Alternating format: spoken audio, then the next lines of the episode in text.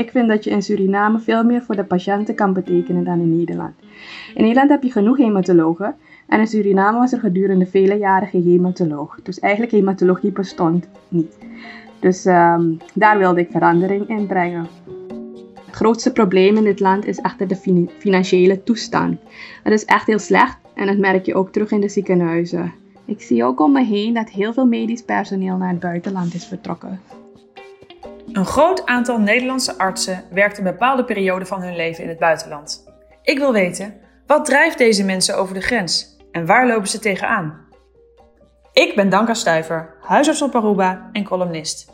In samenwerking met het Medisch Contact zal ik in deze podcastserie Nederlandse artsen interviewen die wonen en werken in het buitenland. We gaan het hebben over hun persoonlijke overwegingen, hun belevenissen en over de positieve en negatieve kanten van hun vertrek. Weg bij familie en vrienden, weg uit de comfortzone, over de grens naar een onbekend land met een andere cultuur en taal en een ander zorgstelsel.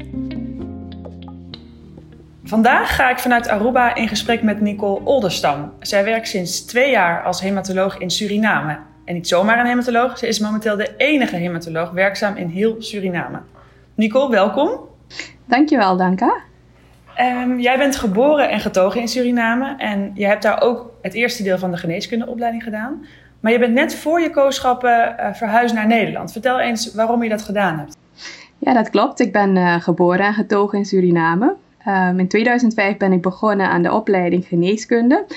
Echter moet je voordat je met je kooschappen begint, of je moet je kooschappen in een vaste volgorde lopen. Met als gevolg dat er eigenlijk lange wachttijden ontstonden en die konden oplopen tot maanden. Daarnaast stagneerden ook de colleges als een docent uitviel. Het duurde maanden voordat ze vervanging hadden gevonden. Dus het proces verliep toen hier niet zo vlot. En toen had ik bedacht, ja, ik ga naar Nederland waar het eigenlijk wel vlotter verloopt. En in 2009 kon ik starten met een masteropleiding in Maastricht. Mhm. Ehm, in het laatste jaar mocht je een stage kiezen, het laatste jaar van, een, uh, van de masteropleiding. Ik wilde internist worden, dus ik heb gesolliciteerd bij de interne geneeskunde, werd aangenomen. Maar vanwege plaatsgebrek op de algemene interne kon ik beginnen op de hematologie. En daar maakte ik kennis met hematologie, maar ik werd ook verliefd op het vak. En uiteindelijk heeft dat geresulteerd in de opleiding tot hematoloog. Hey, eind 2019 uh, eh, zijn jullie, hè, ben jij samen met jouw man en toen hadden jullie nog uh, twee dochters naar Suriname uh, vertrokken. Was dit eigenlijk altijd het plan toen ik in 2009, ja, 2009 naar Nederland vertrok, heb ik gezegd: ik kom terug. Ik kom terug naar Suriname. En dat vooral omdat mijn familie hier zit. En ja, Suriname is toch mijn thuis. Maar naarmate ik langer in Nederland was, werd dat ook een beetje mijn thuis. Mijn man is Nederlander. Onze eerste twee kinderen zijn daar geboren in Maastricht. En ik heb ook hele lieve vrienden daar gemaakt. Dus Nederland werd ook een beetje mijn thuis. Maar ik realiseerde me dat ik toch terug moest naar Suriname. Ik vind dat je in Suriname veel meer voor de patiënten kan betekenen dan in Nederland. In Nederland heb je genoeg hematologen en in Suriname was er gedurende vele jaren geen hematoloog. Dus eigenlijk hematologie bestond niet. Dus ehm, daar wilde ik verandering in brengen. Dus terug naar Suriname gaan betekende voor mij en mijn gezin dat we dicht bij familie waren, terug in de vertrouwde omgeving. Maar ook dat onze kinderen een, een deel van hun roots leren kennen. En dat is toch een andere cultuur, een ander klimaat dan, uh, dan de Nederlandse. En ik denk dat dat je rijker maakt als mens. Maar het allerfijnste aan terug zijn, vind ik dat uh, het warme klimaat hier. Want onze kinderen zijn klein, die moet je allemaal zelf aankleden. En de vele laagjes die we in Nederland moesten aandoen, dat hoeft hier niet meer. Nu kan je t-shirt, korte broekje, slippers aan en je, bent eigenlijk, je kan eigenlijk al de deur uit. Ja, dat is fijn. Hè? Dat herken ik ook hier op Aruba inderdaad. Hier is het ook inderdaad uh, dat ze heel snel zichzelf kunnen aankleden. Terwijl in Nederland zit je vaak weer met jasjes en sokken en schoenen en mutsen. En, uh, ja, en laarzen. ja, die, ook weer kwijt, uh, die ook weer kwijt. Hoewel hier ook altijd een slipper kwijt is, moet ik zeggen. dat is het grootste, het grootste probleem, mijn luxe probleem. Ja. Um, Nicole, je bent getrouwd met Frank en hij is een huisarts. En uh, jullie hebben, eh, wat jij net al vertelde, jullie hebben inmiddels drie kinderen, maar de vierde is op komst in de zomer. Dus het zijn letterlijk en figuurlijk, figuurlijk toch wel tropenjaren voor jullie. Ja, dat klopt. Frank werkt op afstand en hij gaat af en toe enkele weken naar Nederland om daar als huisarts te werken. Maar ik heb gelukkig hulp van mijn ouders, familie. Um, maar net wat je zegt, het zijn intensieve tijden. gelukkig lukt het ons nog om alle ballen nu nog hoog te houden. Ja, dat vind ik echt heel knap. Ik vind twee al veel. Dus, uh... ja, ja, straks gaan we verder praten over, over jullie gezin en ook over het werk van jouw uh, man Frank. Maar vertel de luisteraar eerst even iets over jouw werk nu in Suriname. Um, na mijn opleiding in uh, juli 2019 heb ik die afgerond. Heb ik nog vier maanden in Maastricht gewerkt um, als hematoloog. En toen vertrok ik naar Suriname. Toen ben ik eerst gaan werken in het academisch ziekenhuis uh, van Paramaribo. En omdat er vele jaren geen hematoloog in Suriname had gewerkt, had ik eigenlijk een storm aan patiënten verwacht. Bijvoorbeeld een heleboel sikkelcelpatiënten of een heleboel um, patiënten met multiple myeloom. Maar ja, helaas, die storm bleef uit. Veel patiënten met een hematologisch aandoening, en dat maakte niet uit als het benign of maligne was, die bleven gewoon onder de zorg van collega-internisten. Ik denk dat dat een deel te maken, voor een deel te maken heeft met gewoonte. En daarmee bedoel ik dat men hier niet zozeer gewend is om patiënten met een specifieke aandoening te verwijzen naar de daarin gespecialiseerde collega. En ik denk dat dat deels te maken heeft met de financiële beloning van het werk, die erg productiegedreven is. Ja, dat vind ik wel heel interessant. Want op zich, in, de bekostiging van zorg in Nederland zit natuurlijk ook een, een zekere perverse productieprikkel. dus er kan het gebeuren, dat, dat was laatst heel erg in de media, dat een patiënt niet wordt verwezen naar een ander ziekenhuis of naar een ZBC, waar die eigenlijk wel sneller geholpen wordt, omdat dat voor, een, mhm. ja, voor het desbetreffende ziekenhuis waar de patiënt dan onder behandeling niet financieel aantrekkelijk is. Maar het verschil met Suriname is, als ik het zo begrijp, dat de beloning voor patiënten mhm. en voor patiëntenzorg um, voor een heel deel individueel bepaald is. Dus als je naar een collega binnen je eigen ziekenhuis verwijst, dan snijd je jezelf een klein beetje in je vingers. Dat is natuurlijk wel heel erg jammer. Ja, dat is heel erg jammer, ben ik het mee eens. Ik kwam hier naartoe om hematologie op te zetten, dus ik wilde hematologische patiënten zien. Ja. Maar vanwege die rustige polies werd mij eigenlijk opgelegd om de rest van de tijd die ik over had als een soort chef de kliniek de zaalsupervisie te gaan, uh, gaan doen. Van de algemene interne. En zoals ik aangaf, ja, ik kwam hier eigenlijk voor hematologie. Ja. Dus um, daarom heb ik toen besloten om verder te gaan in het Sint-Vincentius ziekenhuis. En gelukkig kreeg ik daar wel alle ruimte om hematologie te doen. Maar ja, het grootste probleem in dit land is echter de financiële toestand. Het is echt heel slecht en dat merk je ook terug in de ziekenhuizen. Het is allemaal erger geworden door die hele COVID-pandemie. En midden in, in zo'n crisis iets nieuws opzetten werd, is echt een grote uitdaging. Um, dat moet echt gebeuren met schenkingen en hulp van mensen die tegen een gereduceerd tarief of gratis een dienst willen verlenen het is je wel gelukt om een aantal projecten op te zetten. Hè? Vertel eens. Ja, gelukkig. Daar ben ik wel blij mee. Um, in mei, juni vorig jaar heb ik uh, een chemobehandelkamer in huiselijke sfeer kunnen inrichten. Um, met als gevolg dat die patiënten nu niet meer op een zespersoonskamer gelegd hoeven te worden. En ja, die patiënten die op die zespersoonskamer lagen, die hadden verschillende ziektebeelden. En na dat project heb ik samen met Lions en sikkelcelambassadeur Andresa mensen benaderd die materialen wilden schenken of diensten wilden verlenen om een sikkelcelbehandelkamer in te richten. Het is, ons, het is ons in zeven maanden gelukt. Daar ben ik wel trots op dat het onder deze slechte omstandigheden in zeven maanden gelukt is. Ja. Um, de kamer moest wel volledig ingericht worden. En daarmee bedoel ik niet alleen dat er bedden moesten komen, infuuspompen, monitor.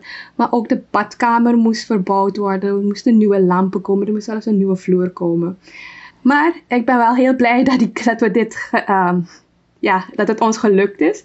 Want het is nu erg fijn dat die patiënten nu eigenlijk eenmaal 24 uur zich kunnen melden op deze kamer. Want voorheen gingen ze naar de enige spoedeisende hulp uh, in Suriname. En die is vaak overbelast. Omdat heel veel mensen slaan de huisarts open en gaan gelijk naar de SCH. Dus we zijn er heel blij mee en de patiënten ook. Ja, ontzettend goed. Nou, je vertelde net al dat dus veel internisten in Suriname gewend zijn om de hematologische zorg zelf te doen. Um, nou, enerzijds komt het natuurlijk omdat ze dat jarenlang ook zo gedaan hebben. Um, mm Maar zijn er, mhm. zijn er nog andere dingen waar jij tegenaan loopt in je werk daar?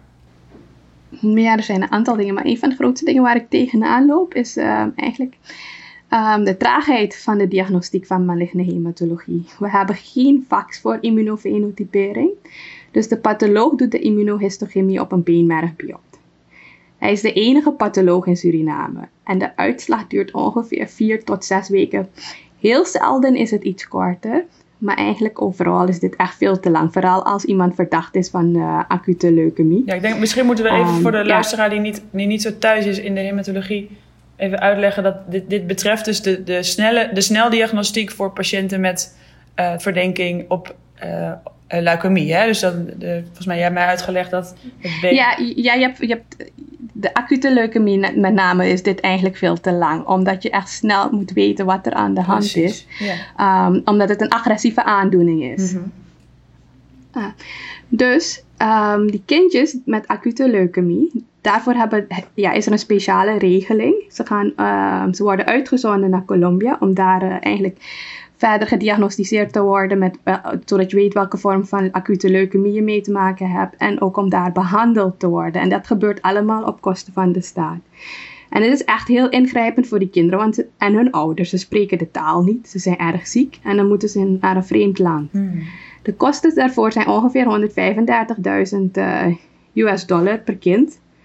En de kinderarts die gaf mij aan dat er gemiddeld één keer per twee maanden een kind sterk verdacht is voor acute leukemie. Reken maar uit als je vier kinderen ongeveer per jaar wegstuurt, wat dat, wat dat allemaal niet kost. En heb ik het nog niet eens gehad over de volwassenzorg die daar nog bovenop komt. Ja. Ik probeer dus al tijden een, eh, een fax te krijgen voor immunofenotypering, um, waarmee eigenlijk uh, de diagnostiek sneller gedaan kan worden. Zo, ja, dan hebben we binnen 24 tot 48 uur een diagnose. Mm -hmm. Een fax kost ongeveer 260.000 US dollar. Maar ja, helaas is het me nog niet gelukt om dit bekostigd te krijgen. Als ik het zo hoor, dan eh, heb je dat geld voor een fax binnen het uitzenden van voor twee kinderen naar Colombia heb je terugverdiend. Al eh, moet je natuurlijk dan ook nog de, de behandeling en dergelijke en de chemo's. Um, Precies, want dat moet er, komt er nog bij kijken. Maar ik denk dat waarschijnlijk binnen een jaar tijd je het wel uh, terug hebt. Ja je spaart, bespaart ook in de toekomst dan. Ja, en, en, en het is heel veel patiëntvriendelijker natuurlijk. Door als jij heel erg ziek bent en er mag maar één ouder mee. Uh, dat lijkt me heel heftig, zeker als het om een, om een kind gaat natuurlijk. Maar het lijkt me voor jou ook heel erg frustrerend. Ja, dat, dat is het ook. Het belang van die patiënt, het belang van het land ja, die eigenlijk voor de hoge ziektekosten moet opdraaien. Mhm. Um, het is algemeen bekend dat als je snellere diagnostiek hebt, je ook sneller met behandeling kan starten en dat meestal tot een betere prognose leidt. Patiënten zijn in betere conditie dan, kunnen langer meedraaien in de maatschappij. En daardoor bespaar je uiteindelijk ook weer geld. Dus voor mij eerlijk gezegd heel onbegrijpelijk. De expertise is aanwezig in het land, maar men zendt toch patiënten uit. En ook nog tegen torenhoge kosten. Ja. En dit geldt niet alleen voor hematologische aandoeningen. Er, zijn ook, uh, er worden ook mensen uitgezonden met bijvoorbeeld uh, orthoped voor orthopedische ingrepen. Dus wel uh, frustrerend. Ja. ja, snap ik heel goed. En jij noemde net al dat, dat er dus één spoedeisende hulp is um, in Suriname, van Paramaribo. Uh, dat die eigenlijk chronisch overbelast is. Um, onder andere omdat mhm. veel patiënten de huisarts overslaan en rechtstreeks naar de SCH mm gaan. Kun je, kun je ook iets meer vertellen over de huisartsenzorg in Suriname? Mm in Suriname ben je eigenlijk huisarts, mag je zelf huisarts roepen als je basisarts bent. Dus als je de opleiding geneeskunde hebt afgerond. En daardoor merk je ook wel wat verschil in kennis tussen huisartsen onderling. Een ander probleem is dat de huisartsenzorg op bepaalde plekken lastiger toegankelijker is. Soms is dat eigenlijk niet goed bereikbaar en buiten kantooruren wordt het nog erger, nog lastiger. Um, heel veel zaken worden via, wat patiënten mij vertellen, is dat heel veel zaken nu via een raampje worden afgehandeld sinds de COVID-pandemie. En de huisarts heeft ook een beetje een taak als poortwachter. En daarmee bedoel ik dat um, voor ieder bezoek naar een specialist. Dus ook al ben je bekend bij die specialist, maar elke keer als je daar terugkomt, moet je als patiënt een briefje halen bij de huisarts. Anders wordt de specialist niet vergoed door de zorgverzekering zonder dat briefje. Ongelooflijk. Er wordt er in Nederland geklaagd over bureaucratische rompslop. Maar kun je je voorstellen dat elk bezoek bij een specialist een briefje um, moet worden uitgegeven? Dat is ja, anders wordt de specialist niet betaald. Ongelooflijk, ja. Dat lijkt me, lijkt me al heel veel werkverschaffing eigenlijk. Hè? Um, en, en, is een zorgverzekering eigenlijk verplicht in Suriname of wordt de zorg op een andere manier uh, bekostigd? Iedereen heeft eigenlijk een, uh, een zorgverzekering of iedereen kan een zorgverzekering krijgen. Ook mensen met een kleine portemonnee. Mhm. Ehm, Maar helaas worden een heleboel zaken niet vergoed. En dan zou je toch een deel van de dingen, voor medicijnen, voor onderzoeken, zou je toch zelf moeten betalen. De patiënten hebben hier wel geen eigen risico, dus als ze rechtstreeks naar een specialist gaan, heeft dat geen directe uh, financiële consequenties. Wel moeten ze dan achteraf dat briefje gaan halen waar ik het net over had. Anders wordt de specialist niet uitbetaald. Nee, duidelijk, ja. Um, kun jij ook aan de luisteraar iets meer vertellen over een casus in Suriname die, die indruk heeft gemaakt op jou en waaruit het verschil tussen Suriname en Nederland ook blijkt? Een tijdje geleden zag ik een uh, eh, 25-jarige patiënte. Ze had al uh, vier weken last van, uh, van bloedingen, met name tandvleesbloedingen. Maar um, de zorgverzekering was nog niet in orde. Ze moest nog allerlei papieren daarvoor regelen, dus ze had nog geen hulp gezocht. En uiteindelijk werd ze benauwd, dus toen moest ze wel hulp zoeken. Op een donderdag of een vrijdag meldde ze zich op de SEH. En door allerlei COVID-procedures ontstond er daar een delay. En uh, uiteindelijk werd ik pas zondag gebeld dat er een dame daar lag met uh, verdenking acute leukemie. Ze had een forse leukocytose en daarmee bedoel ik dat die witte bloedcellen echt heel hoog waren. Mm -hmm. um, ik heb toen gelijk een beenmergpunctie uh, verricht. En ook gestart met Hydrea. Hydrea is om eigenlijk de witte bloedcellen omlaag te krijgen. En eigenlijk voordat ik er vertel, terwijl ik er aan het vertellen was van wat we gingen doen, zei ze plotseling gaat mijn baby dit overleven. Tja. Ik was even geschokt. Ja. ja toen, zei ze, toen ze zei me, ze was 13 weken zwanger, dus ik was echt wel even geschrokken. Um, na die beenmergpunctie heeft de gynaecoloog een echo gemaakt. En ja, die zei dat ze in, die, ja, die gaf aan dat die dame inderdaad 13 weken zwanger was. Um, maar er was, uh, hij vond geen hartactie meer. Hij vermoedt dat het kindje recent was overleden. Uh, ja, echt triest. En ja, kort, na, kort nadien kwam de bevalling op gang en begon ze hevig vaginaal te bloeden. Onze IC die lag vol met COVID-patiënten toen. Dus toen hebben we haar overgeplaatst met aanhangende bloedproducten en uiteindelijk is ze bevallen van een dood kind. Gynaecoloog heeft nog een curatage gedaan, maar ze werd respiratoire insufficiënt en toen is ze op de IC overleden. En dit is allemaal gebeurd binnen 48 uur nadat ze ja, eigenlijk bij ons binnenkwam, dus bij mij binnenkwam. Um, deze casus heeft echt heel veel indruk uh, op mij gemaakt. Ook het gesprek dat ik uh, had met de ouders. De ouders gaven aan dat zij dus hun enige kind was.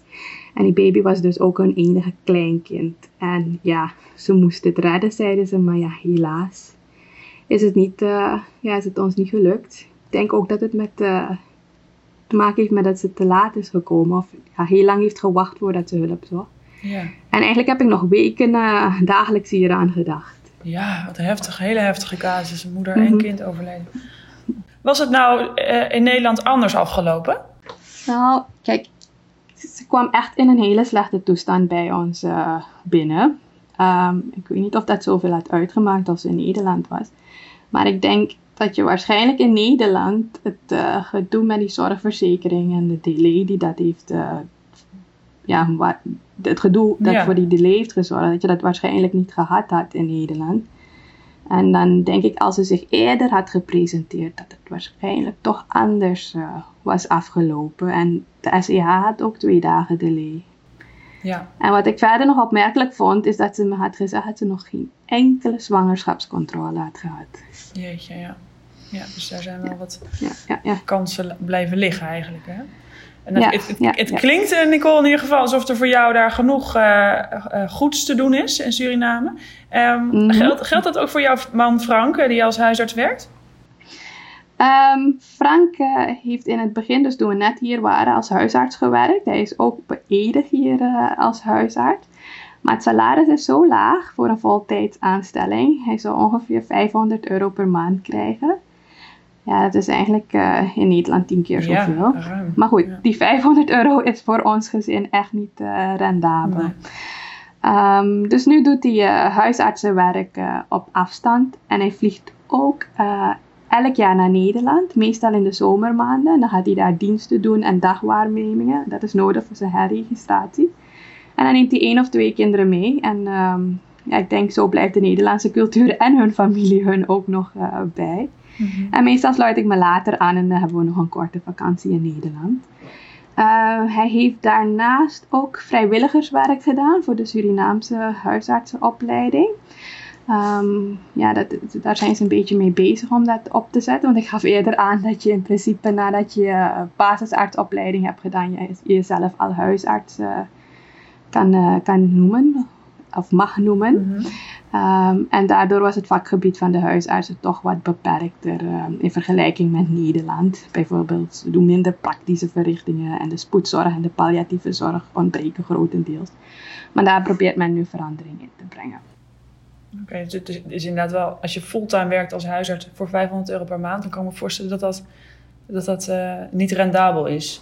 Um, nee, maar dat heeft nee, ook nee. te maken met de, met de financiële situatie in, in heel Suriname. Kun je, kun je daar iets meer over vertellen? De situatie is echt slecht. Het is heel slecht. Toen ik in 2019 hierheen kwam, kreeg je voor 1 euro ongeveer 8 uh, Surinaamse dollars. En nu krijg je voor 1 euro uh, 22 Surinaamse dollars. Jeetje, ja. En ja, dat is echt een verschil. Hmm. Um, iedereen met een opleiding die trekt ook weg. De afgelopen twee weken zijn er herhaaldelijk berichten verschenen in de pers over ziekenhuizen die goede zorg meer kunnen genereren omdat ze materialen niet meer kunnen kopen. Um, operaties die um, niet meer uitgevoerd kunnen worden omdat ook al personeel weggetrokken is. Um, voor een, uh, een dagopname, dus uh, voor 24 uur opname, krijgt het ziekenhuis ongeveer 1150 SRD van de zorgverzekering. Dat is uh, ongeveer 52 euro. En dit is eigenlijk al jaren zo. En dan snap je dus absoluut niet kostendekkend. Nee. En ziekenhuizen draaien, draaien daardoor ook al jaren in de min. -hmm. um, ondertussen is het gemiddelde salaris van een verpleegkundige ja, ik zou denken verpleegkundige is ook iemand die redelijk goed salaris heeft. Tussen de 200 en 300 uh, euro per maand. Ja, en, en hoe verhoudt zich dat tot, tot de kosten voor levensonderhoud in Suriname? Uh, de meeste producten die worden geïmporteerd. En als je dat vergelijkt met Nederland, dan is het hier twee keer duurder. Mm -hmm. uh, groente en fruit kun je meestal wel vinden op een lokale markt, maar de rest moet je echt in de supermarkt halen. En zoals ik zei, het is twee keer, soms drie keer duurder dan, uh, dan in Nederland. Uh, de kosten voor kinderopvang zijn daarentegen veel minder in vergelijking met Nederland. Onze drie kinderen die gaan vijf dagen per week naar de opvang en dat is 250 euro per maand. Voor de lokale bevolking is dat een gemiddeld maandsalaris. Ja. En opvangtoeslag krijgen ze ook niet. Nee. Uh, onze oudste dochter die is, vier, die is vier. Dus die gaat van uh, half acht tot één uur. Middags gaat ze naar uh, groep 1 op een Nederlandse basisschool. Waar ook de Nederlandse onderwijsinspectie regelmatig langskomt. Op die manier zijn wij gegarandeerd dat ze goed onderwijs krijgen. En de kosten daarvan zijn ongeveer 900 euro per jaar. Misschien klinkt, klinkt voor een Nederlander niet als heel erg veel, maar voor daar is dat een nee. enorm bedrag. Ja. ja, als je kijkt wat men verdient ja. gemiddeld. Um, nou, los even van de, van, de, van de financiële situatie. Hoe vind -hmm. jij de, de werk-privé-balans uh, voor jou momenteel in Suriname? Wat ik het fijnste vind om hier te werken als specialist, is dat ik mijn eigen tijd kan indelen.